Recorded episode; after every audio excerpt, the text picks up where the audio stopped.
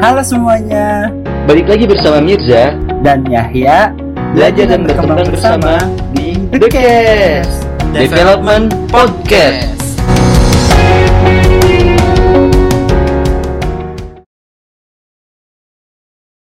Nah, balik lagi nih bareng kita nih Yahya sama Mirza di The Cast Development Podcast. Mir, Mirza ada kan? Halo ya. Nah, udah udah, sama Iya. Mirza. Kemarin kan udah udah ada tuh episode perkenalan. Sekarang kita udah mulai masuk nih The Cast di episode pertama nih Mir. Iya nih ya, Nah. dan untuk narasumber dan topik kita juga ini spesial banget nih ya. Iya, kalau Tahu nggak ya kira-kira siapa nih narasumbernya ini? Hmm, siapa ya? Nih, ini tuh narasumbernya itu nih an- anak ESP Ekonomi Studi Pembangunan angkatan 2016. Terus juga dia tuh eh, mantan Menteri KPSDM di kabinet eh, ah, Ar- Arkara tuh. Terus habis itu naik juga nih dia langsung jadi KBM di kabinet Pahitra tahun 2019. Wih, man- kurang mantep apa tuh? Kurang mantep Iya. apa coba? kurang mantap apa tuh? Terus kita tuh mau bahas ngobrol-ngobrol asik tentang kehidupan mahasiswa di Jatinangor sih. Kan pasti Hmm. kalau kan angkatan 2016 pasti udah punya pengalaman banyak nih Mir di Jatinangor gitu kan. iya. Jadi kita mau nanya-nanya juga nih. Kita panggil aja kali ya. Iya, mungkin kita langsung panggil aja ya narasumber kita ini. Kang Cupen. Eh, halo, halo, halo. Hai, gimana? Hai Kang Cepet. Halo, Gimana nih halo. Kang? Kabarnya nih Kang, kabarnya. Alhamdulillah eh, baik. Di bulan Ramadan ini kita Hmm. alhamdulillah baik. Alhamdulillah. Terus Alhamdulillah. eh, ya sekarang paling lagi sibuk eh, sedikit nugas skripsian sama ada proyek sih sedikit-sedikit. Oh iya, udah Hmm. udah mau eh udah mau skripsian skripsian ya Kang ya. Iya. Proyek apa tuh Kang? eh, proyek-proyek yang tentang keilmuan-keilmuan sih sharing-sharing ilmu rencananya. Hmm, iya, iya. Hmm. Lagi Jadi ini lagi. apa? Iya, jadi pembicara lagi nih. Oh.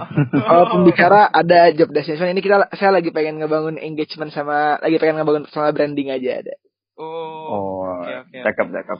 Terus apa namanya lagi di rumah nih Kang? Apa Iya lagi di rumah, lagi di rumah, lagi ya lagi menikmati eh, indahnya hari. Eh. Eh,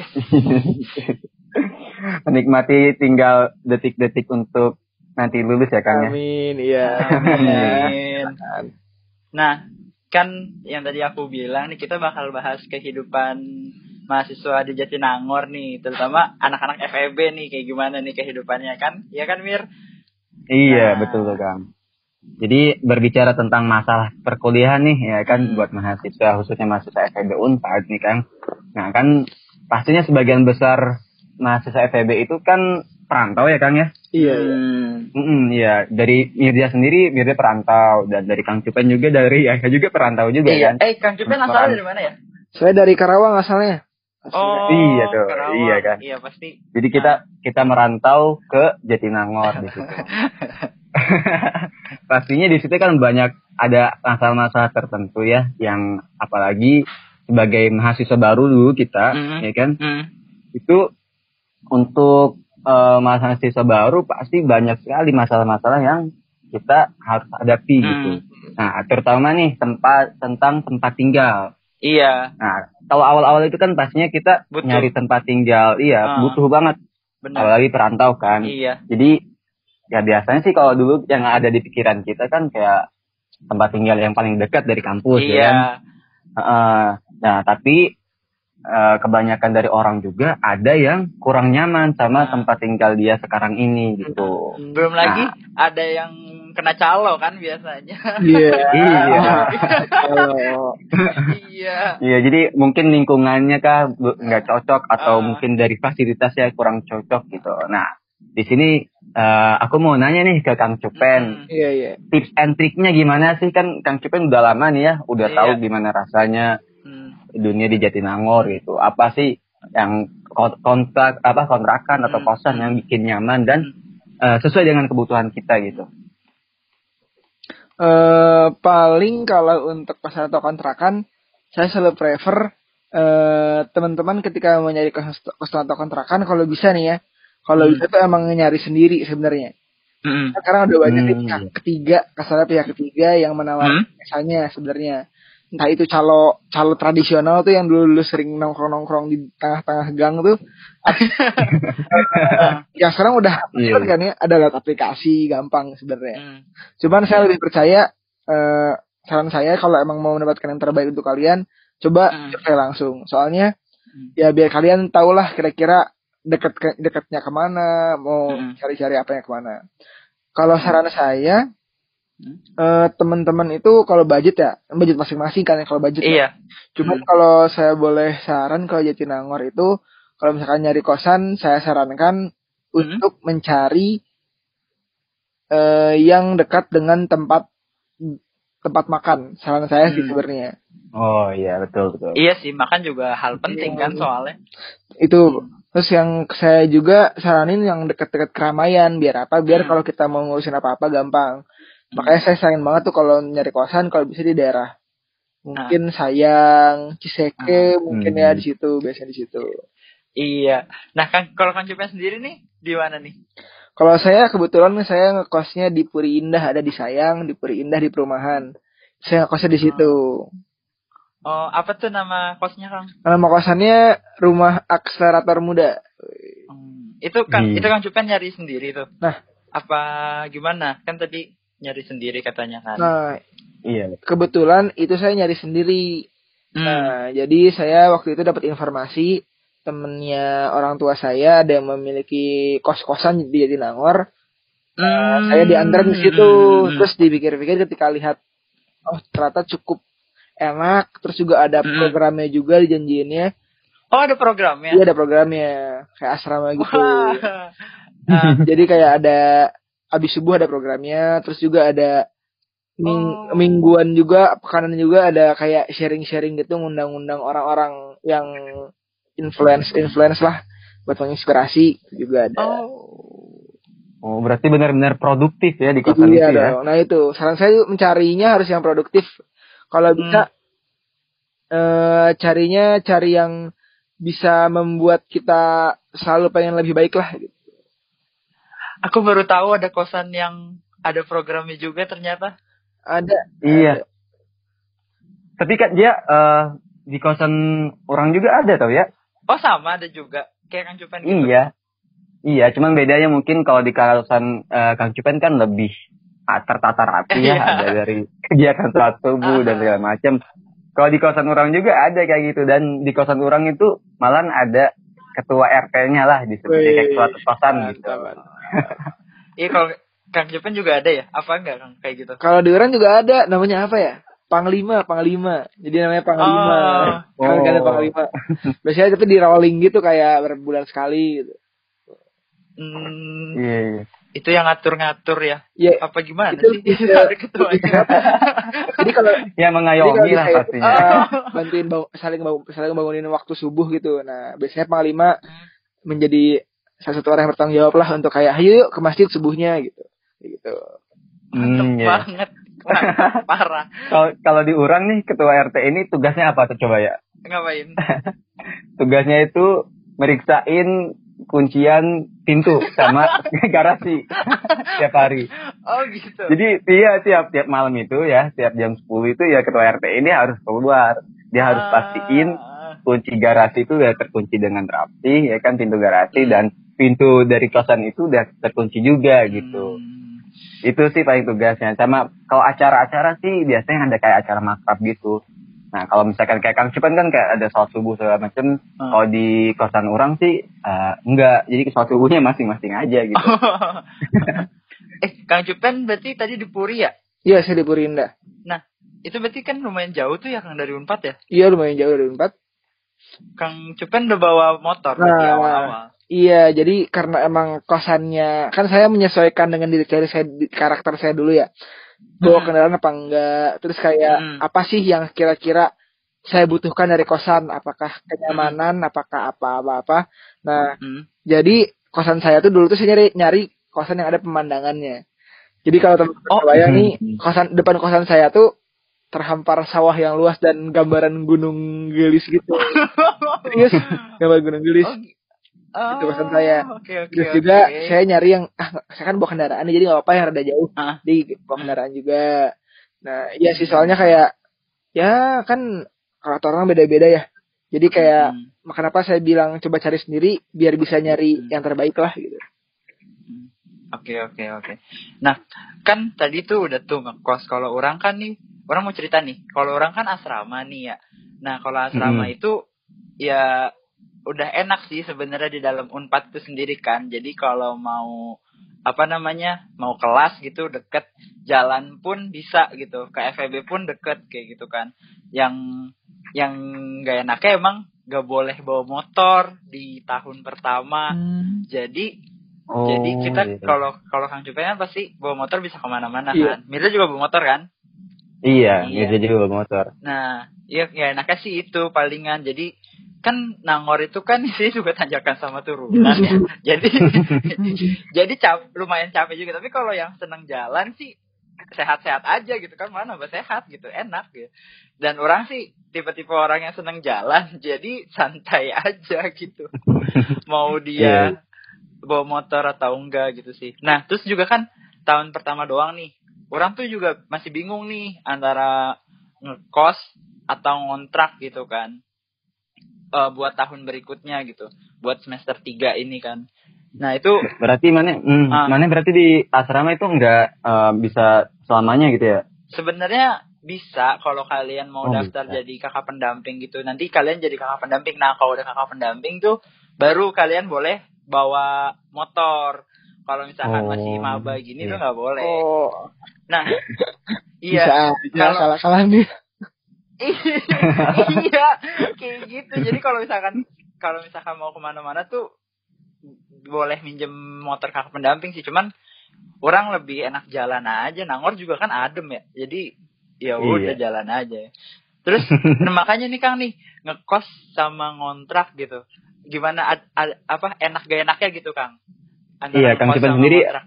Ah, Eh, Kang Cimeng sendiri kira-kira pernah ngontrak nggak? ah. Eh kalau untuk ngontrak sih kalau dibilang Ah. pernah sih kayaknya eh, pernah sih ngontrak. Cuman kasarnya Mm-mm. saya tuh kalau ngontrak kayak sebagai base camp aja bukan sebagai tempat tidur eh tempat tidur rutinan gitu lah. Kalau tidur tetap di kosan Hmm. cuman ada kontrakan.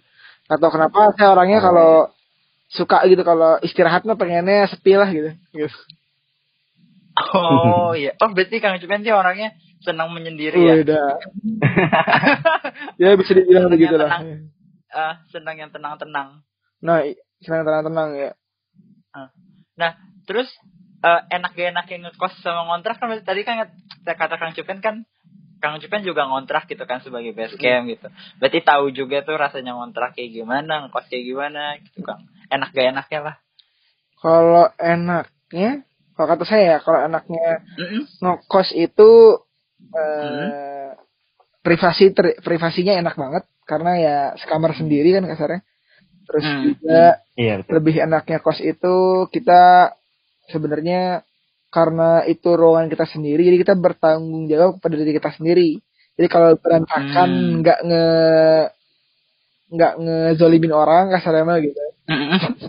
Oh, Salah kita Iya. sendiri ya. Salah kita kalau rapih sendiri ya udah syukur rapih gitu kan gitu aja. Iya.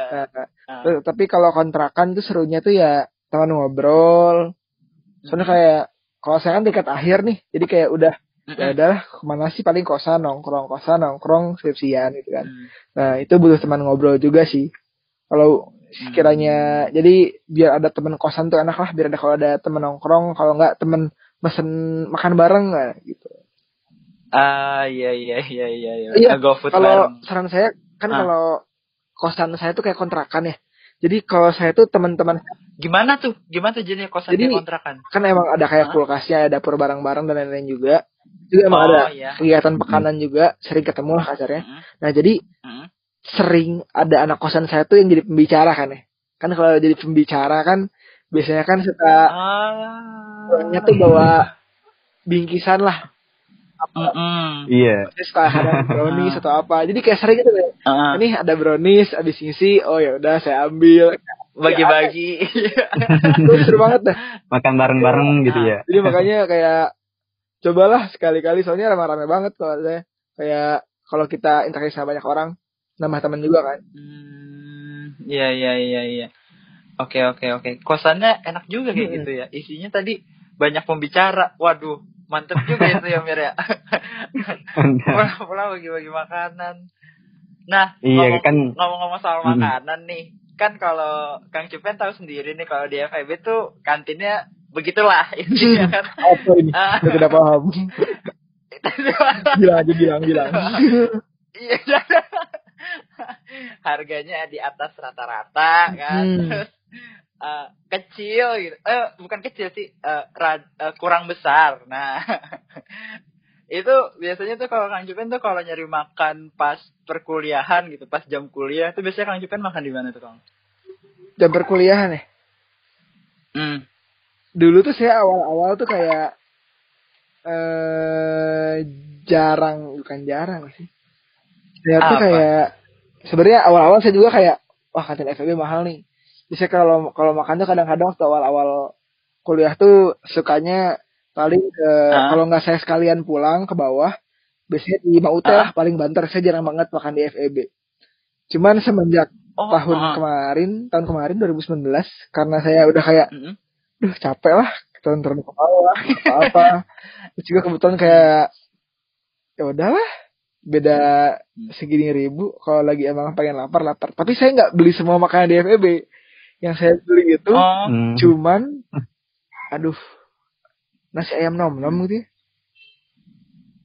nasi ayam nom nom tuh yang yang ayam pokoknya kayak olahan ayam gitu bisa dikasih bumbu gitu nah jadi kelebihan itu tuh Oh iya iya. nasinya be- ambil bebas jadi saya kalau makan di situ biasanya saya makannya di rapel kayak pagi sama siang gitu saya Hmm. makannya di situ karena nasinya bebas ya suka nggak manusiawi sih emang kadang ngambilnya cuman ya kalau yang lain saya nggak saya saya nggak suka nggak worth it kok kata saya cuman ya bebas sih itu prefer- preferensi masing-masing ya kan kalau kata ya, Iya, ah.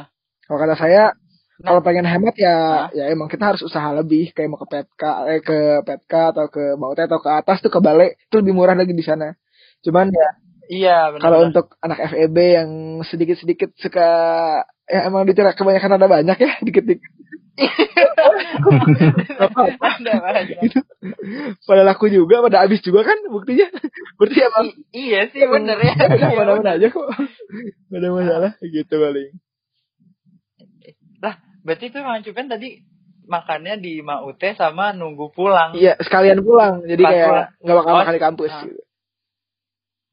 Oh gitu. Nah, iya orang juga tuh kalau kalau ke kantin FEB tuh bener-bener cuman kalian tahu kan ada yang es krim itu es krim cuman dua ribu yang mangga. Oh iya iya. itu itu Orang sering beli tuh. Iya.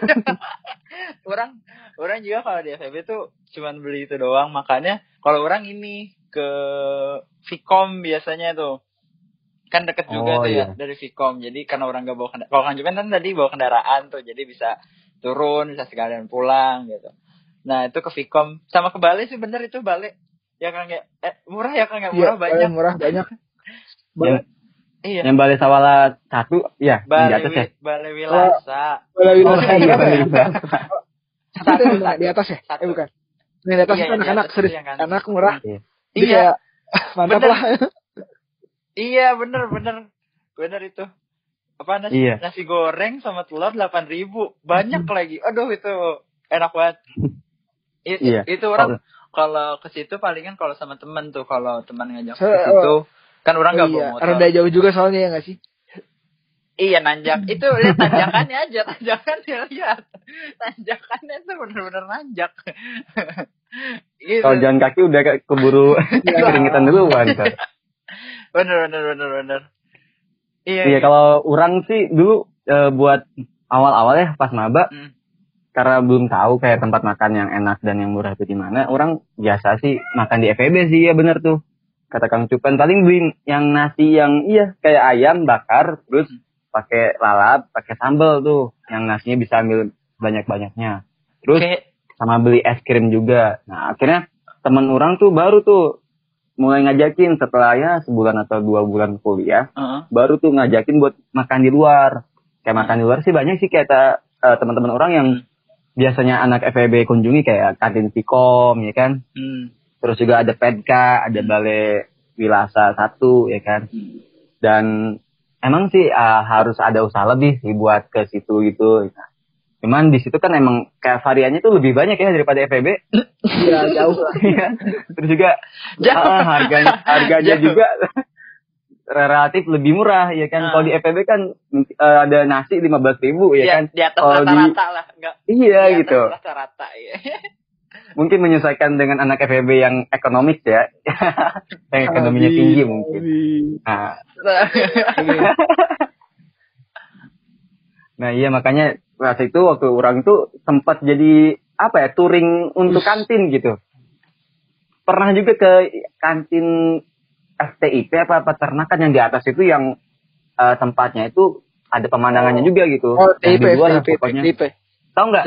Iya kan? Iya, Iya, yang di iya, pinggir iya. jalan itu. ah, sumpah Iya, orang itu. orang belum pernah. Itu Ada, ada, ada. itu ada. Jadi kayak Ada itu. melayang juga kantin di atas. Kayak Nah, apa iya, ya? betul. Kayak apa ya? Lah gitu. Iya, iya. Di di, di Di pinggir pinggir gitu. gitu ya. Oh, Iya, pemandangannya langsung eh, kayak apa ya? Hutan doang sih. Belum pernah tuh orang ke situ tuh. Nanti mau nyoba. Iya. Paling sih biasanya kalau yang anak-anak FEB kunjungi sih itu ya, kayak Hmm. Kantin Vkom dan Pedga dan Balai Wirasa tuh yang paling eh, favorit lah. Kalau dari anak FEB sih yang biasa orang lihat anak FEB pergi-pergi ke situ gitu. Kang Cupen tadi di Maute ya? Itu murah, Kang. Kalau saya sih, kalau saya Hah? tuh sebenarnya orangnya nggak ingin murah doang ya, lebih ke higienis sama ke freshan sayurnya. Ah, Menurut saya mau teh ah. cukup higienis dan cukup fresh sih. Daripada di, di FEB, kalau saya lagi pengen makan kayak warteg-warteg gitu ya, daripada di FEB ya mending di Maute Hmm. lah, lebih banyak juga Oh, dia tuh ngambil sendiri Iya, ya kalau nggak salah ya? ngambil sendiri. Apa enggak? Saya suka Oh, tuh fresh iya. sih kalau Maute tuh jadi kayak emang enak. Kalau saya Hmm. gitu lah, cocok. Petka eh juga. ngomong-ngomong, Petka mau juga teh di mana ya? Kak, Orang nggak tahu. deket Ya ampun. Petka kan? Oh, deket Maute kan Petka, depan Maute Petka itu. Oh iya iya iya, yang ada yang nasi goreng hitam Iya, gitu. iya. Cuman kan kalau petka, kalau kata saya kebanyakan jajanannya jajanan bermeci nih. Yang banyak jadi Oh, iya. gitu. Hmm, sangat memperhatikan juga ya Kang Cupen ya. Makanan nggak mau matching. Maunya sayur-sayuran Kang. Saya tuh kayak kalau gimana ya? Anaknya pemilih, kan pemilih juga sih lebih ke kayak ya masa masih makan mecin gitu hari ini. Jadi kayak kayak apa sih makan di Nangor? Ayam. Apalagi Hmm. coba ayam-ayam ayam geprek ayam apa ayam apa. Jadi kalau Ayam, bisa iya, makan di bener, kampus bener. kadang-kadang milihnya yang bisa sayur gitu. Iya, karena tadi kan kita nih udah ini ya ngomongin tentang makan yang di daerah kampus. Kalau di daerah luar sendiri itu kan kayak ketika lagi di kosan gitu. Hmm. Tuh Kang Cupan biasanya ke mana tuh larinya Hmm. kalau misalkan cari makan? biasanya kalau lagi daerah kosan saya biasanya ke saya lebih suka ke oh ya saya kalau sarapan saya itu ada satu tempat Mm-mm. yang emang saya sudah langganan dari sekitar 2 sampai tiga tahun lalu lah dari awal jadi ketika Hmm. saya tahu tempat itu dan dekat dari kosan saya saya ke situ mulu kalau sarapan Hmm. ada itu namanya Hmm. Baraya Rasa di Caringin dekat Hmm. pertigaan Caringin yang kesayang itu Baraya Rasa Hmm. Di- dia tuh ngisi kalau pagi-pagi dia ngisi sekarang ngisi tempatnya Surabi apa ya? Aduh, pokoknya ada pada warung Surabi lah pokoknya dekat situ. Nah, coba cari di cari warung Surabi. Ah. Nah, pagi-paginya tuh ada tukang dia tuh jualan ada tiga jenis, ada Hmm. kupat tahu, lontong kari, sama nasi uduk. Semuanya tuh Hmm. harganya tadinya waktu saya awal-awal ya, awal situ lima ribu. Cuma sekarang udah naik jadi enam ribu. Wah. Lima ribu tuh Kang. Makanya dulu saya kalau ya saya ya ke mana nas nasi kuning goceng nasi kuning goceng gitu Widih. Itu banyak Kang dan enak. banyak Apa Enak. itu? kalau menurut saya daripada saya beli di warung-warung mecin yang kalian ketahui mungkin ya. Banyak kan ya. Eh, saya mending di situ lah. Soalnya emang percaya kalau saya cocok sih kalau sama lidah saya. Terus juga kayak karena sarapan nggak butuh Hmm. banyak-banyak banget kan sebenarnya. Saya kalau kalian Hmm. pengen banyak itu bisa pakai telur tinggal nambah dua ribu jadi delapan ribu. Dan itu udah kayak kenyang banget gitu. Terus ya di situ Iya. tuh bisa bebas ambil sama Wah. ini sama di- dia tuh dia tuh suka Ah. nyediain koran jadi saya suka Oh. koran buat Koran baca, buat? ya koran baca, baca mau Oh. diapain?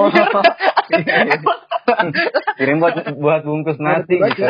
jadi kayak senang jadi saya kayak kalau lagi ini sambil baca koran Oh, baru tahu tuh ada Iya. enam ribu ya. tuh kalau Iya, saya, saya juga kalau jadi saya kalau nyari makan biasanya jarang ke daerah atas biasanya saya ke daerah Caringin ke daerah Brimob sana situ Iya, Lumayan paling bener kalau ya. lagi pengen makan ya Iya. paling ke pengen makan yang rada unik ya paling sih ke Ciseke. Soalnya saya lebih dekat ke Ciseke sih daripada ke daerah sayang-sayang gitu. Sama ini, oh iya saya inget kalian kalau di Jatinangor harus nyobain bakso yang kalau menurut saya paling worth it dan paling enak Jatinangor. Oh, iya. Apa tuh, apa yang depan? X Takashimura disayang gitu. Aduh. Apa nama? Depan apa? Takashi atau Takashimura nggak? Kalian nggak ngalamin Takashimura nggak ya? Jadi, jadi Yang yang bukan. sekolah Jepang jadi kan? ka- kalian tahu nggak? Warung nasi padang yang depan masjid yang disayang. Masjid MU MU mau- Iya. tuh Oh iya iya tahu tahu tahu. Sebelah kiri itu ada tukang bakso. Heeh. Sedikit lagi. Oh. Sebelum Sebelum sebelum gang. kan sebelum ya kan Ya, soalnya iya. kiri itu ada gang. Gang. Dia tuh Iya. sebelah tukang cukur. Oh. Hmm. Wah, Biasanya jarang, kalian Kenapa kan bakalan kita kan- jarang lihat dia buka karena dia emang nggak buka setiap hari. Setahu saya cuma buka hari Hmm. eh, Rabu, Kamis, sama Mhm. Sabtu atau Minggu atau dua-duanya. Terus dia kalau Hmm, jualan juga ya, dia buka biasanya jam sebelasan lah. Heeh. Kalau hari-hari biasa ya, jam 11. Terus jam 4 Ah. tuh udah habis biasanya. Serius udah habis. Kena, kenapa Kang Kang Cipem bilang worth it karena enak dan Banyak banyak atau ah? dan jadi kalau kalian kalau beli ya emang antri belinya. Hmm? Saya saya bisa Oh. sampai 20 menit gitu lah. Cuman saya tetap saya tungguin soalnya Oh. kayak emang seenak itu kalau buat saya. Karena karena karena saya penggemar bahasa juga kali ya. Jadi kayak saya udah cari Oh, di Jatinangor iya, iya. bahasa nih ini ini ini ini lama-lama kayak wah yang paling worth it yang ini. Dan ya terbukti lah dari dia nggak buka tiap hari dan tiap buka langsung habis. Bayangin gak sih dagang jam 11 jam 4 udah beres-beres sudah mau pulang. Iya kan? Banget. gitu. Iya. Nggak tahu lah mungkin soalnya emang terkenal banget. Itu paling kalau yang saya Oke, rekomendasiin banget langganan saya itu. Iya, iya. Iya. Aku baru tahu itu juga. Kalau mana biasa di mana Mir makan Mir? Iya kalau orang kan emang daerah eh, Cisalada ya. Ah, Nah kalau untuk daerah Cisalada sendiri emang kalau untuk tempatnya sih jauh ya kalau dari kurang rame gitu kurang rame sama Hmm. tempat-tempat makan kayak gitu gitu. mm, mm, mm. Cuman di Cisalada ini ya spesialnya dia tuh Hmm. adem biasanya terus deket juga sama Unpad dan kalau untuk masalah makanan biasanya orang itu di kantin kosan orang. Oh punya Itu. kantin di kosan. Iya punya kantin. Jadi di kosan kontra apa kosan orang ini kantinnya lumayan cukup murah juga gitu. Hmm. Ada paket-paket kayak paket ayam geprek yang cuma sepuluh ribu. Hmm. Terusnya ada mie yang cuma enam ribu. Terus ada nasi kuning yang cuma delapan ribu. Itu juga lumayan Iya iya. worth it sih kalau menurut orang. Karena nasinya itu kita ambil Hmm. sendiri gitu. enak. Oh. Dan- Iya, biasanya ya ada sih tuh teman orang ya. Dia tuh cuma makan satu kali sehari, tapi sekali makan itu banyak banget nasinya. nasinya banyak banget gitu. Dan biasanya yang kalau di kosan orang itu emang rata-rata belinya ke kantin uang kosan kosan orang itu gitu. Jadi dari eh, kosan sebelah ya kan belinya ke kantin Hmm. orang, gitu, ke kantin kosan orang. Jarang kayak ke tempat-tempat lain meskipun tempat lain juga ada kayak warteg, ada juga kayak tempat-tempat makan yang lain lah. Tapi kalau dari analisis itu orang ya, kebanyakan tuh anak kosan tuh Analisis. Iya, larinya ke eh, kosan orang kantinnya itu. Dan alhamdulillah sih setiap hari sel- selalu habis kayak kalau nggak salah Iya. sih. Gitu ya kalau kalau orang. Kalau mana ya gimana ya? Kalau orang, aduh, kan jalan ya. Jadi nggak mau Oh, iya, nyari-nyari iya. yang jauh-jauh, nggak bukan nggak mau. Mager. Iya, bukan nggak mau sih, nggak bisa. Iya itu itu mager, mager nggak bisa capek kan. Kosan zaman. Iya. Kalau pepet batu ada mir di Cisalada tuh ada juga itu udah terkenal tuh muncul Hmm. pasti Kang Cipan juga tahu muncul tahu Apa tuh singkatan apa? Muncul? enggak muncul di Cisalada Kayaknya nama yang ini ya? Muncul. nggak tahu Di salada. yang Di salada. iya Oh. yang di yang belakang itu ada Kalau itu itu yang tuh- deket ini bukan FIB. iya yang yang kan agak Ada jalan tuh. situ ya? Ah, ah, Ah, iya ah. situ turun tuh itu ada itu kan dekat batu sama asrama kalau lagi males banget itu padahal kan deket ya itu kalau lagi males banget bisa sampai ngechat Distrik. apa tukangnya biar dipesenin Oh, oh iya iya iya. itu Oh, bisa kayak gitu? iya iya bisa Oh, bisa itu tahu tahu tahu. nggak iya iya itu. Itu kalau lagi males banget tuh udah capek misalkan. Terus kalau mau turun sih ya turun aja tuh ke Ciseke palingan kok orang bingung kan? Dulu tuh bener-bener awal-awal refresh. Refresh Hmm, terus iya. nah iya terus ny- nyari-nyari yang murah lagi dan lebih worth it kan. Ya paling ke sayang. Di sayang juga ada tahu kang itu apa namanya sarapan nasi uduk sepuluh ribu sih kalau kang cupen kan enam ribu ya makanya cok juga sih bisa enam ribu sama tuh kayak kayak kang cupen gitu nasi kuning gitu gitu itu sih kalau perkuliahan kurang ke Vkom Hmm, biasanya yang deket mah Iya, betul. Hmm. Nih, eh mau nanya juga nih Kang. Ini kan Kang, Kang, Kang Cupen nih ini nih. Orangnya sibuk berorganisasi nih ya. Terus pasti kan rapat-rapat mulu tuh. Nah, kalau tempat makan yang enak buat kumpul-kumpul nih Kang, buat rapat gitu kan. Pasti nih udah udah menjelajahi juga nih Kang Cupen karena pasti Oh sering rapat iya, lumayan. Iya. Em, beberapa tempat paling eh Hmm, tempat yang rekomen ya. Cuman ini emang rame banget sih. hmm. Eh, Saya lupa namanya Oh, iya. apa. Mm. Yang di Bukari, wasabi, wasabi, wasabi. Oh, Siapa itu ya? Oh tahu iya wasabi ya.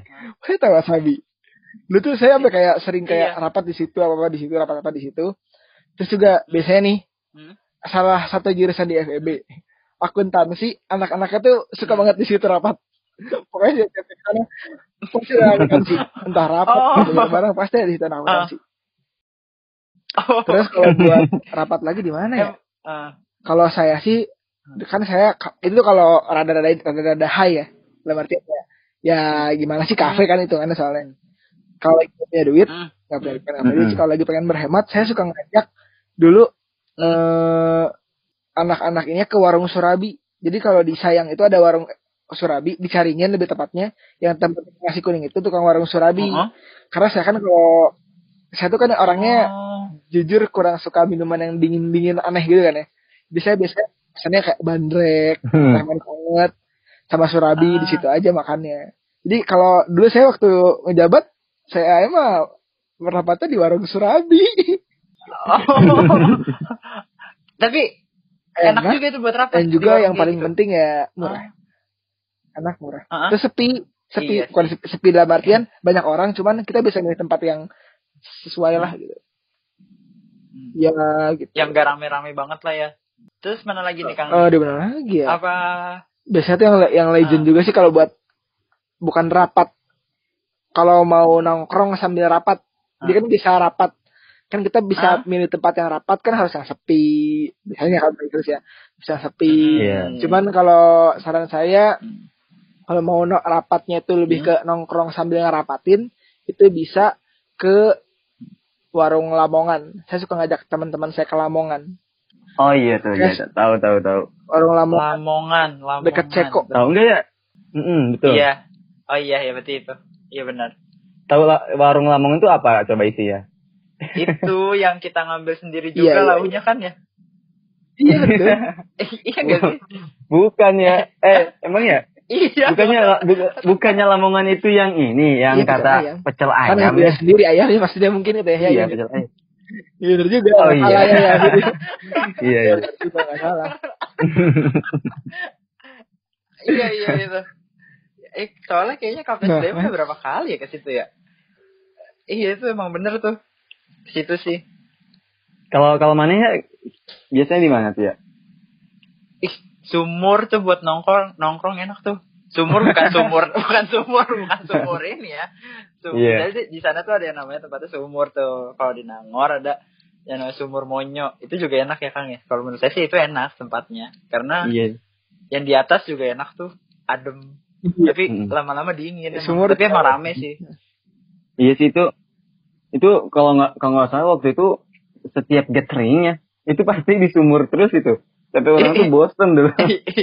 iya, per- apa first meet first meet biasanya tuh ya. iya iya itu tempat-tempat kayak gitu. Sempat saya di dia Kenapa? Cuman mungkin tidak sesuai dengan kondisi ekonomi kali ya. Eh, iya itu enggak ya jangan sering-sering juga ya Kang ya. iya Oh, iya, kan. benar. Ya buat first meet, buat nongkrong, iya. Kalau di situ terus ya bisa enggak ini Ya, puasa, puasa. nanti. puasa. Mahasiswa nanti bisa puasa terus makan. iya sih. Terus baru, baru tahu juga tuh yang warung serabi belum pernah Masih itu. iya. Itu saya Berarti ketemu kan saya kalau ke situ Hmm. jarang ketemu ini, jarang ketemu mahasiswa. Ketemu warlock. Ah, Oh, itu makanya kan- nggak terlalu kan- rame ya mungkin ya. Karena di dalam atau Kayak mah itu juga Gimana? jalan. bukan di pinggir Di jalan jalan. itu? Oh, Kayaknya jalan. mahasiswa pada Ah. gengsi aja kayaknya kalau kebanyakan nonton warung tadi. Ah iya iya iya iya iya. iya. Kan kalau saya mah kan kayak Iya iya benar benar. santai, benar. hidup Gengsi. indah. Hmm. Sana. Iya benar benar benar benar benar benar. Oke, berarti tadi udah ya kayak Hmm. banyak lah tempat beberapa tempat ya kan yang bisa Iya. direkomendasiin buat uh, rapat ya kan. Itu orang Iya, juga baru tahu tuh Surabi. Mm-mm. Ada warung Surabi juga kan ada yang paling ter- paling sering kan kayak eh, kayak tadi apa namanya? Yang di ujung tuh. Yang di ujung Yang tadi kan aku lupa aduh. su sumur Nah, bukan, satu lagi. wasabi. Iya, iya, wah, iya, wasabi, ya. Gimana? Iya, wasabi. Apa.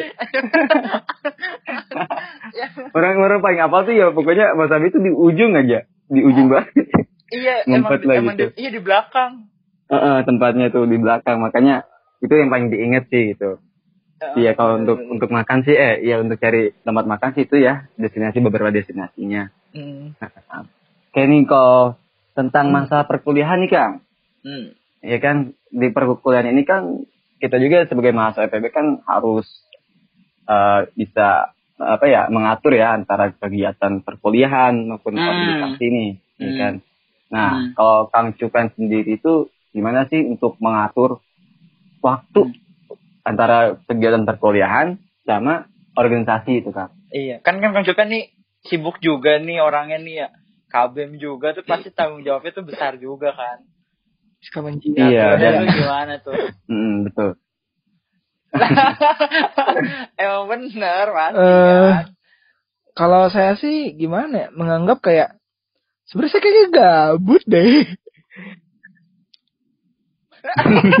Waduh, waduh, Gabut. waduh, Apa waduh, Kalau menurut saya dalam artian katakan diberi waktu 24 jam nih. Sebenarnya kalau dibilang cukup kadang-kadang suka nggak pernah cukup.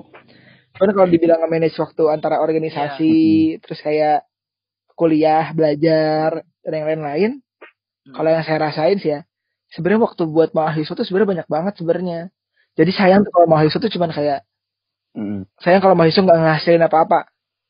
Saya saya nggak suka. Saya di sini orangnya kayak bebas itu mahasiswa. Lu mau jadi mau wapres lah, mau ikut lomba ke sana sini, apa ke MUN gitu, gitu atau lu mau jadi aktivis, Hmm. atau lu mau ikut kayak UKM olahraga atau seni gitu-gitu. Nah, kalau saya nggak, ya udah jadi diri lu atau jadi pengusaha yang penting diri lu aja. Yang penting ada hasilnya. Dan Martin kayak Hmm. saya ada teman yang jarang kuliah, cuman bisnisnya lancar, bisnisnya gacor. Mm-mm. Saya ada teman yang eh Hmm, kalau iya, belajar iya. jarang, cuman tahu-tahu dapat medali pulang-pulang pas datang kuliah gitu. Terus ya ada juga orang-orang yang tipe-tipe kayak ya kuliahnya rajin, cuman nggak pernah ikut apa-apa. Terus ada juga yang aktivis suka nongol, Ah. cuman kasarnya mah kelas tadi tipsen tapi kok sorenya ra- datang rapat. Mana itu bisa bisa. Iya Gitu. Iya, iya. Kayaknya kayaknya Ya tuh kan? orang deh. Cuman kalau bagi saya sendiri pasti bisa. Jadi saya eh, saran saya adalah eh salah satu kelemahan dari kita yang muda-muda ini adalah dengan segala eh, support atau teknologi yang ada adalah kita kurang bisa menjalin fokus sih. Jadi saran saya kalau di kelas Hmm. ya belajar. Literally belajar, jangan sambil ngecek HP, jangan sambil main HP, perhatiin dosennya. Soalnya kalau kata Hmm. saya nih ya, sebenarnya tuh cukup banget kalau kalian belajar. Dan kalau kalau nggak ada tugas nih ya, belajar terus tuh eh, mantengin dosen aja di kelas sebenarnya. Ngeliatin dosennya dia dia jelasin materi apa. Bisa tuh sebenarnya dapat A sebenarnya. Untuk semua matkul menurut saya relatif bisa sebenarnya kayak gitu. Tapi jadi fokus di kelasnya gitu. Rajin Iya. juga, jadi nggak mapet gitu gitulah kasarnya. Cukup sebenarnya kalau saya. Sisanya baru coba eksplor dunia luar, ikut organisasi. Organisasi juga cari, coba cari yang emang kalian suka dan yang emang eh, bermanfaat buat kalian. Jadi yang jelas lah. Soalnya Ah. ada orang yang kalau kata Oh. saya kayak Hmm. kalau saya tuh dulu sempat punya visi kayak harus jadi orang yang berbeda dalam artian berbeda dalam arti jangan menjadi orang kebanyakan. Kan Hmm. ibaratnya lu saya sempat saya dulu sempat pengen jadi mawapres. Kebayang gak sih? Mawapres. Kan kalau mawapres jurusan berarti Wih. pilih seorang dari berapa ratus orang. Mawapres fakultas satu orang dari ribuan Iya. orang, misalnya kayak gitu kan. Nah, saya kepikir kayak wah kayaknya Iya. berarti nggak semua orang harus jadi mawapres. Berarti dia spesial. Saya pengen jadi kayak dia nih. Nah, Hmm. juga yang kenapa alasan saya pengen jadi KBM, pengen jadi apa kayak gitu. Jadi kayak coba fokus belajar, terus coba cari achievement-achievement yang lain. Soalnya kalau kata saya, jujur aja Hmm. achievement tuh butuh. Hmm. Mungkin kayak saya jadi ketua BEM cuma nambah Hmm. cuma nambah satu Hmm. baris kan sebenarnya di CV. Cuma tuh kayak Iya. ceritanya banyak gitu. Cuman Iya, iya. Ya, Iya, itu Iya. ya langsung Iya, kaget iya sih. ya. tapi itu, itu tuh berpengaruh. Dalam artian Iya. saya kan baru ngerasain kayak oh privilege-nya banyak. Hmm. Eh bisalah manage jadi manage waktu. Saya kemarin jadi KB sempat ikut lomba juga, lomba leadership ke Jakarta juga, enak juga, ternyata dapat banyak Oh. privilege juga gitu. Banyak sih lomba Oh. kita Hmm. disuruh bayar, datang Ah, seleksi, Hmm. terus ternyata masuk final ke Jakarta, dibayarin semua hotel dan juga transportasinya.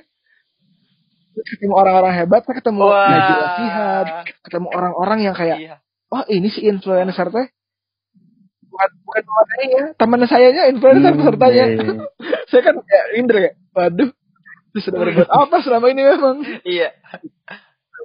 makanya coba aja ya cobalah manage manage waktu saya yakin bisa lah eh mau jadi apa jangan kalau bisa sih mau jadi talent sih dalam artian kayak organisasi kalau bisa sama apa akademis cuman kalau emang nggak bisa ya udah nggak apa-apa cuman ya saran saya akademis mah kewajiban deh nggak usah dikasih perintah lagi lah itu sudah kewajiban ada orang tua kita Iya. ke sini nyuruh kita buat belajar gitu Hmm. kembali.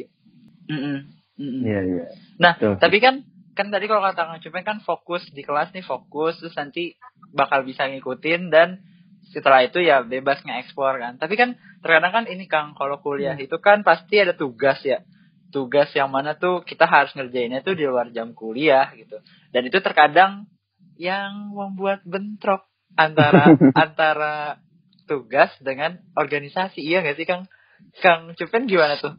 iya Kalau Iya, lanjut kalau saya sebenarnya kalau menurut saya ya, pribadi pendapatnya pendapatnya sebenarnya kalau tugasnya tidak anda kerjakan Iya. secara SKS sebenarnya itu cukup biasanya biasanya sih cukup Oh, Iya, iya, kan? iya sih. Eh, oh, tadi itu sebenarnya lebih ke manajemen waktunya Iya, iya. cuman Ah. kalau saya sendiri ya saya merasa Ah, saya lebih rajin ketika saya sibuk Ah.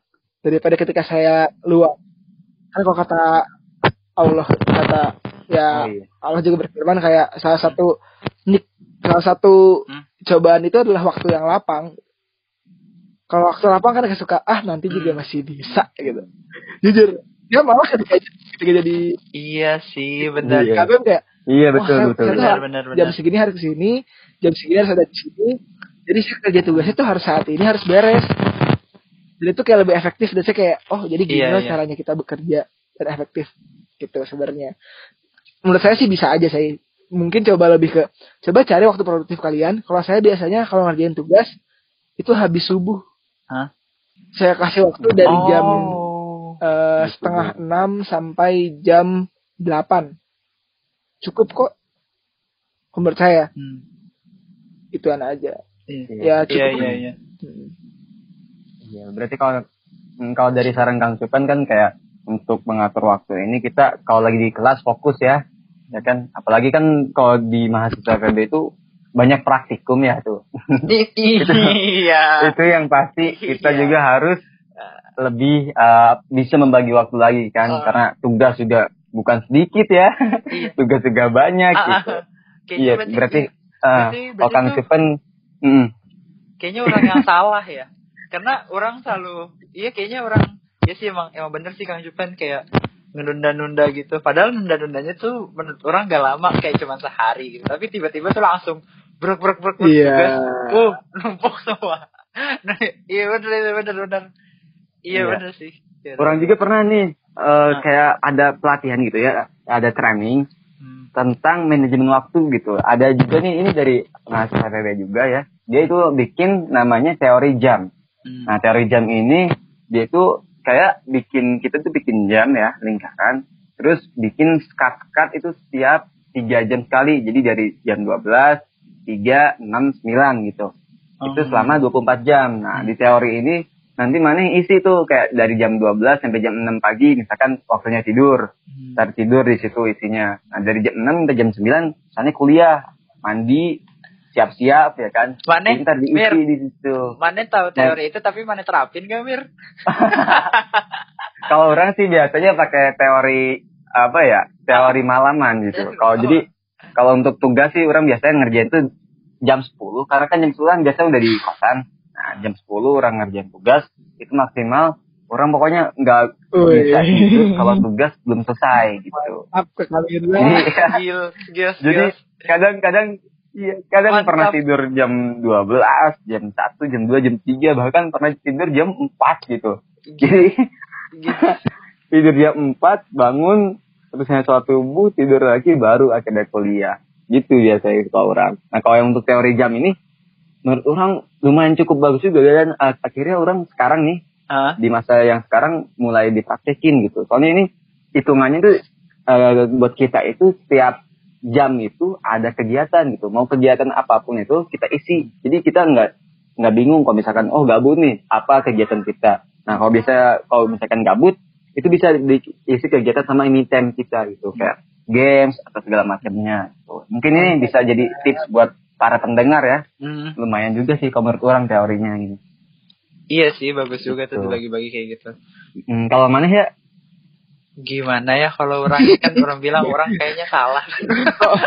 Sinis gini gitu. Sedih banget ya. iya. Sedih banget denger ya.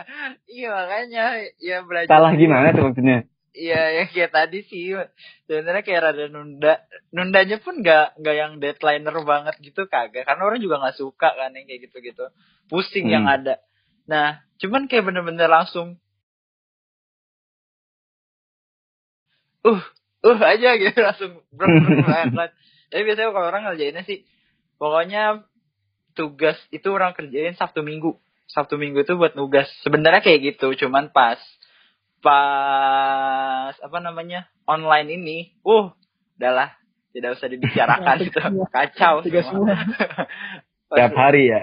iya eh kacau pokoknya pas, pas ya pokoknya pas pastinya kacau lah pas online ini Iya sih. Gitu sih palingan nah oh iya nih. Ah, ini kang nih kan kang Cepet kan eh, apa namanya ikut organisasi terus juga jadi kabem terus pasti kan kalau terus juga orangnya nih supel juga nih kan kayaknya. Deket semua orang. orang. Pasti ba- iya iya kan.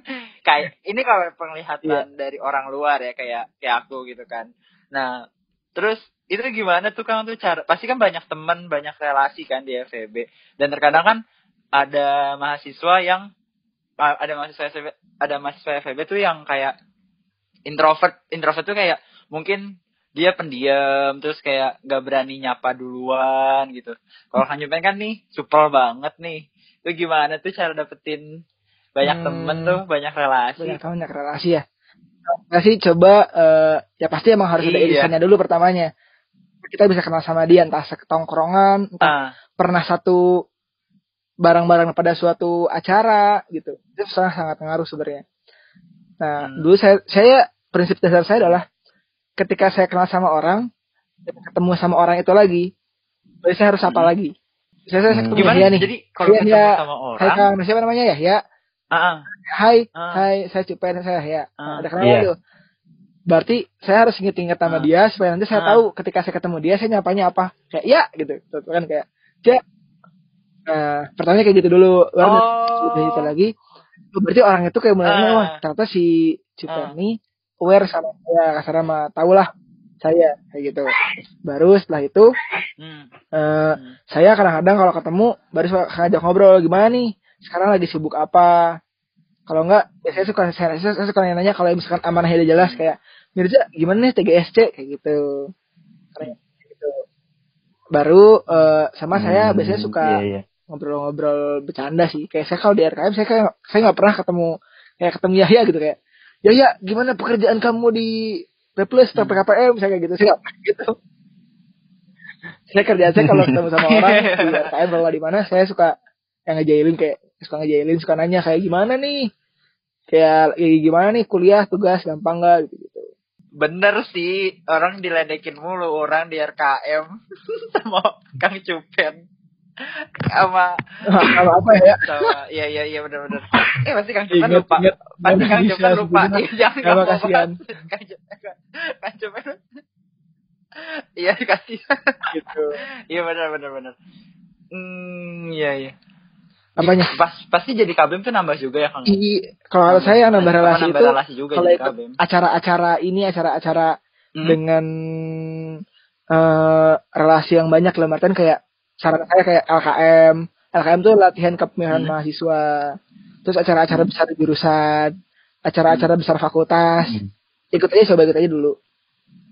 Gitu. Kayak saya dulu kayak ya kenal-kenal orang banyak dari situ juga biar kenal teman sejurusan atau teman sejurusan kayak ikut acara besar jurusan nih. Kan dulu saya pernah ikut kayak jadi vice president di acara besar jurusan. Oh ternyata jadi kenal anak-anak jurusan jadi kenal budaya jurusan kayak gimana. Gitu. beda-beda tiap budaya tiap jurusan.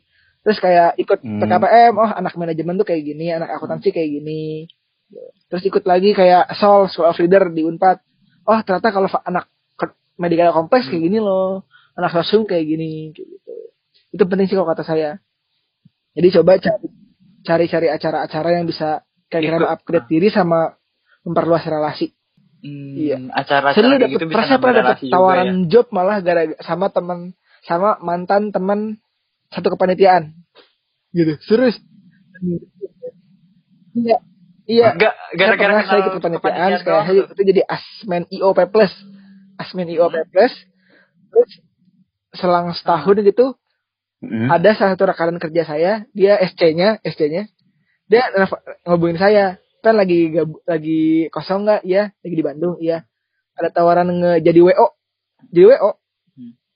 gini aja dan bayarannya tuh Oh. sekali acara tuh Hmm. lumayan. Hmm. tiga ratus empat ratus ribu lah. Lumayan kan? Iya. Dan itu saya Iya, dan itu pas saya lumayan. datang ke acaranya oh ternyata emang dia ngajakin nyemot nyemot teman panitianya. Gitu. Oh Kang kenapa saya eh, teh kenapa saya Oh, diajakin iya, iya. Eh, karena ya dia percaya dengan kinerja saya yang pas saya lakuin pas kemarin di P Plus gitu. Jadi kalau ikut kepanitiaan cobalah rada serius minimal Hmm. buat nama Hmm. kalian bagus lah. Kan biar nanti orang-orang percaya sama kalian juga.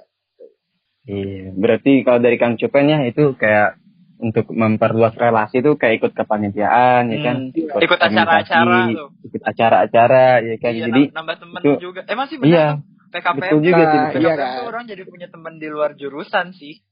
Iya, iya, iya benar benar benar benar benar. Lanjut lagi kayak mana ya?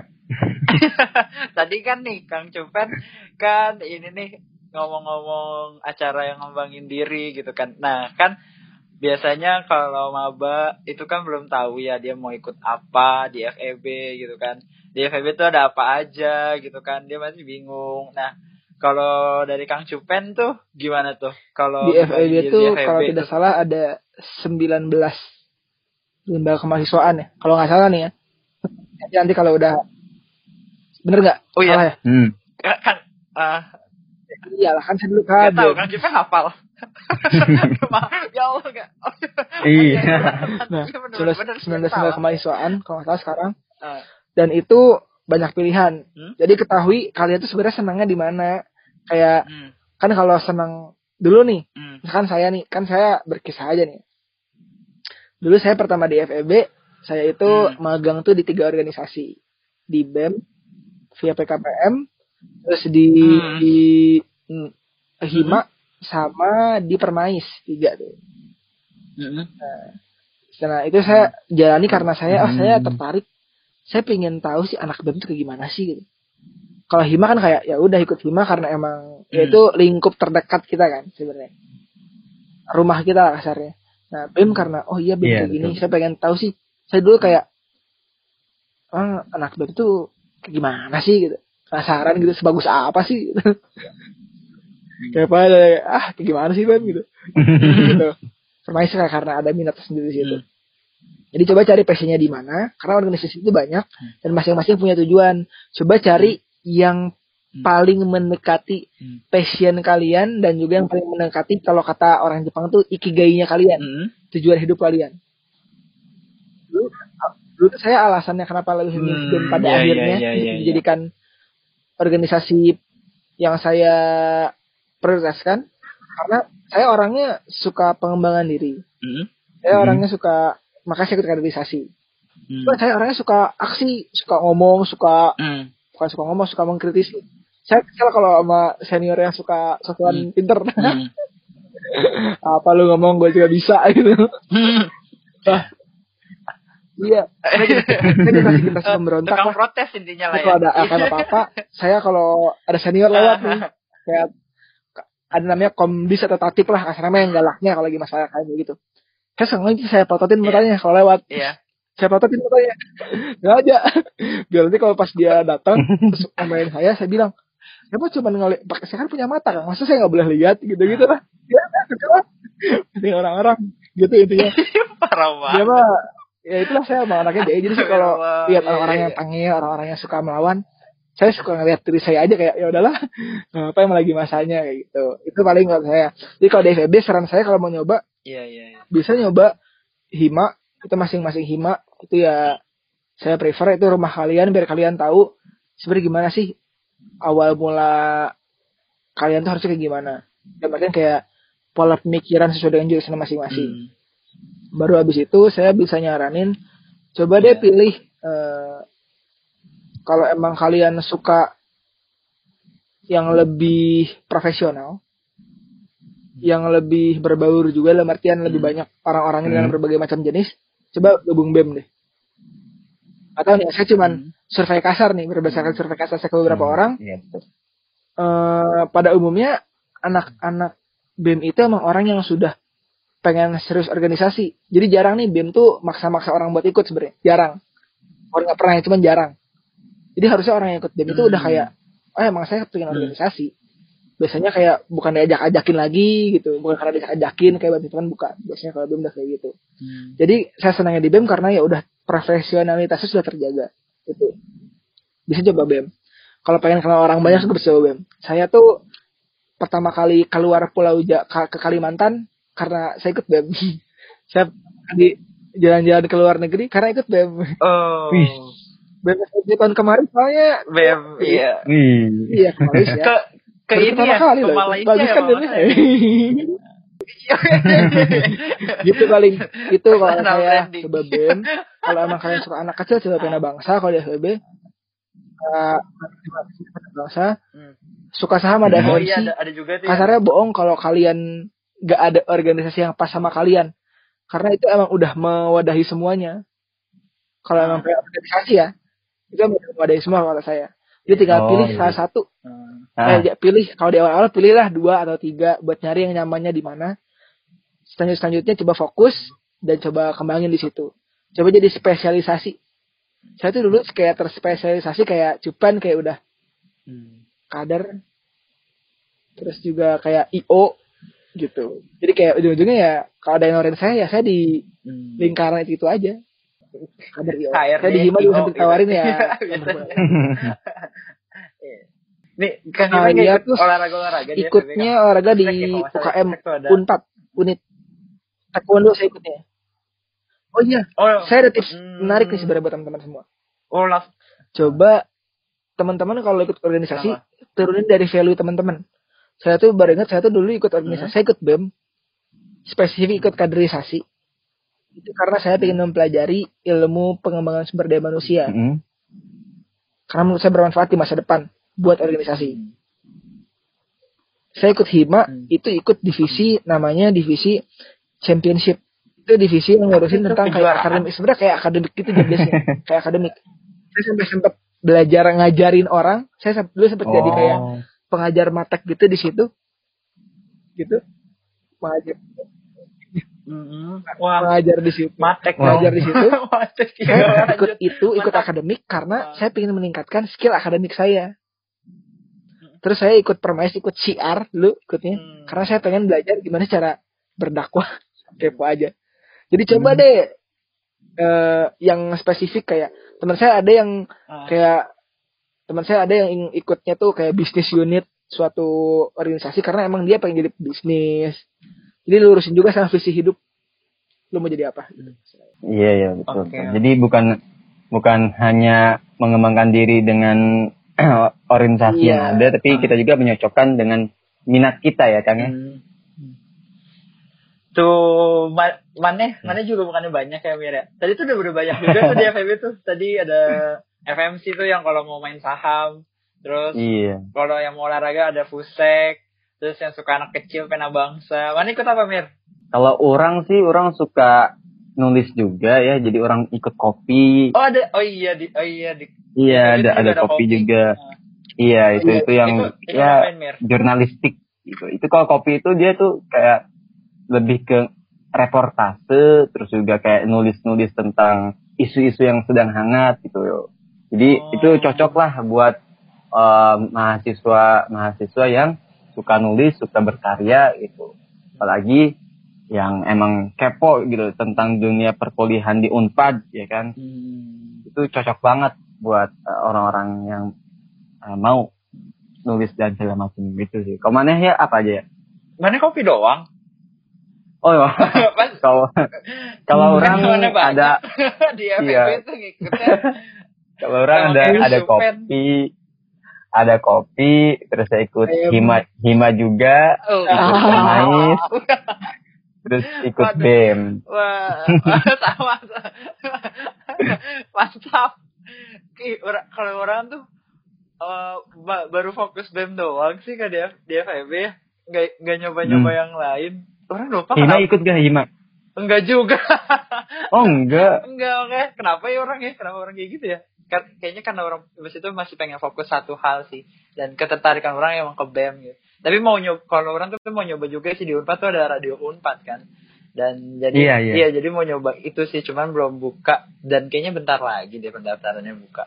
Kalau Kang Cuman kan tadi taekwondo tuh apa di luar FEB-nya. Kalau orang kayaknya mau, mau nyoba radio Unpad sih tapi belum tahu juga. Ba- banyak tuh di FEB juga udah udah Iya, memfasilitasi ada banyak 19 banget sih. Ada salah ya. 19 ya Kang. kalau belum kalau belum nambah lagi Ah, Mm-mm. masih masih inget Masih emang Kang apa aja Kang? Wih, Masih. challenge nih. Coba, Pokoknya Kang. hima, Ada hima kan aja, ada berapa tuh? Ada Ah, delapan ya?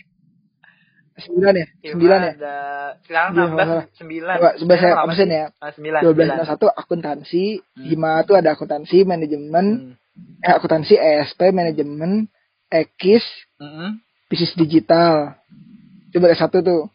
Di empatnya ada kunjak, Ah. BI, Pemdik, Ah, sama ASP ya. Sembilan hima. Terus kalau BSO, iya. saya biasanya sembilan, suka nggak ada yang nggak hitung. Ah. ada kalau olahraga tuh ada fusek seni itu ada eh, kafenya ada kafe iya kafe Mm. Kafe tuh yang ini ya yang angklung ya Kang ya. Mm, terus Nah, yang itu bisa banget tuh yang sedikit ekonomi angklung. itu ada FMC ada kopi Iya. Eh, terus ada lagi tuh berbasis Hmm. Islam tuh Hmm. ada BMT ada pemais Ah, ah. iya. BMT eh BMT Iya, itu yang iya. ini ya. Yang terus ada lagi Islam. pena bangsa iya betul Iya, iya.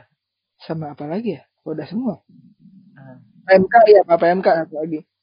Kalau nggak salah udah sih segitu. PMK ya, ada PMK juga. Ya. Juga. Berarti ada 17. 17. Iya ada 17. Kayaknya mau tujuh belas. Mungkin ada yang Kayaknya kurang. mau 17. Usek, usek tadi udah belum Udah, usek. udah. Kita saya Udah. lupa. Oh, iya. udah. Kalau ada yang kurang Ah, kalau ada yang kurang Ah, maaf aja lupa. ya. Iya, Malu. Oh iya, yang kurang ini. Iya, BEM, BPM. Itu udah bener-bener banyak. Apa? BEM belum disebut. BEM BPM. Oh iya, Oh, BPM. iya. 16 pas tuh. Iya, iya, iya, betul. Hmm, pas, pas, pas, pas. Bener Alhamdulillah. 19. Mantap masih inget. Tuh berarti banyak juga tuh kalau yang buat anak-anak Oh, FEB nih. Terutama maba yang masih bingung. Itu bisa banget. Buat kalian-kalian malah yang masih bingung. Kayaknya orang masih bingung juga deh. Makanya orang belum apa belum tahu mau ikut apa yang pas itu tuh. Terus tadi itu udah banyak juga tuh ada apa yang suka seni, ada kafe, ada kopi tuh jurnalistik gitu kan. Jadi sebenarnya udah difasilitasin juga dari FEB kan. Nah, Iya. eh eh, jadi ih, kita ini udah lama juga nih Mir ngobrol ya Mir ternyata. Ter- oh iya, udah. iya, Udah, hampir- udah satu jam ya. iya. Nah, tadi tuh udah udah bahas makan kan ya nggak? Makan Iya, udah banyak banget Ah, kayaknya makan- pembahasan kita ya. makan pas perkuliahan, terus eh, tempat tinggal juga buat yang masih bingung nyari kosan atau mau pindah. Kayak orang sih, Mm-mm. orang masih bingung. terus apa tadi yang mau jadi aktivis terus mau akademik juga gitu kan tuh udah ada tipsnya tuh terus eh, apa namanya yang mau punya banyak relasi terus yang mau ngembangin diri udah disebutin juga tuh bahwa FFB tuh udah ngefa- ngefasilitasin semuanya gitu sih nih Oke. terima kasih eh, apa sebelum sebelum kita tutup nih sebelum kita akhiri ada pesan-pesan gak nih dari Kang Cupen atau Iya, Kang closing Cup- statement ah, gitu. Kang Cupen Eh, paling ini apa berarti gitu. konteksnya buat ini ya. Ada di nangor. Dengar. Eh, Pendengar. saran saya sih Iya, iya. kan kayak nanti teman-teman tuh mungkin kalau maba yang dengar atau enggak yang share dengar kalian kan nggak bakal lama-lama di dunia perkuliahan paling empat tahunan lah kalau cepat dan paling ya kalau telat ya paling di, di beberapa tahun dikit-dikit Hmm. coba maksimalin jangan sampai kalian menyesal di akhir. Karena saya sekarang nyadar bahwa ternyata saya lebih banyak menyesal dengan hal-hal yang tidak saya lakukan daripada dengan hal-hal yang saya lakukan. Jadi nyesal karena nggak lakuin ini nyesal karena nggak jadi LOP plus misalnya kayak gitu kan. Hmm. jadi kayak coba deh lakuin coba coba coba aja. Terus eh jangan lupa tetap jaga ibadahnya. Eh soalnya banyak tuh rong-rong kebaikan di Jatinangor istilahnya pada akhirnya teman-teman tuh kan bertanggung jawab kepada orang tua teman-teman selalu pikirkan ketika teman-teman melakukan sesuatu kira-kira Hmm. orang-orang tua orang tua teman-teman tuh ridho nggak sih kalau teman-teman melakukan itu kalau misalkan kalau di kelas malah main HP kalau misalkan di, suka tipsen kalau nggak suka main game coba mikir kalau kita ridho nggak tuh kalau kita kayak gitu Mas. Hmm. terakhir dari saya Hmm. tetap berkarya cobalah jadi orang yang berbeda. Jangan puas jadi orang kebanyakan orang yang biasa. Coba quotes terakhir dari saya paling. Yang saya suka itu dari Gamal bin Said. Percaya diri bukanlah tentang kita percaya pada kemampuan yang kita miliki. Tapi tentang kita percaya bahwa Allah membersamai setiap langkah yang kita jalani. Jadi Masya Allah. Mantap. percaya diri suara apa? percaya diri dan yakinlah bahwa pada akhirnya Allah akan memberikan jalan terbaik untuk kita semua Mantap. Itu itu biar kita nggak sombong sih itu. Iya itu kita harus yakin bahwa semua itu ada Sombong boleh, tangan Allah ada yang bisa disombongin ya. betul, betul. bener, bener bener bener. Sedih juga ya kalau gak ada bisa disombongin ya. Oke nih Kang ya, makasih Iya, banyak iya, nih Kang udah Makasih bersedia nih Kang buat Jupen jadi udah narasumber kita ya Ah, di topik udah. kita kali ini. iya udah iya udah nyempetin nah, udah nyempetin waktunya juga nih eh, ngobrol-ngobrol di The Cast dan jangan lupa nih buat kalian yang dengerin buat dengerin berikut-berikutnya lagi di episode-episode Iya, berikutnya kita Dan bakal ngedatangin lagi narasumber-narasumber ya, Mir, ya? yang tentunya Iya, lebih spesial dan sama spesialnya sama sekarang gitu. Dengan Iya. topik-topik yang pasti lebih menarik lagi. iyalah Mungkin kalau ada yang mau nanya lebih lanjut ke saya bisa DM ke Instagram saya di @aditya Iya betul. Nah, oke. tuh. Oh udah banyak kok followersnya kebetulan. Iya. DM aja di sih. Terus paling saya Aditya jawab. Supena ya kalau salah ya. Iya. Ya, bisa langsung tanya ke narasumber kita kali ini ya. Oh, mantap. Kalau ada yang pengen ditanyain. Mantap, mantap. Oke. Iya, iya. Mantap. Makasih Kang. Oke, makasih ya Kang Cupen dan Ya, dadah. sampai bertemu lagi di episode-episode berikutnya. Dadah. Oke.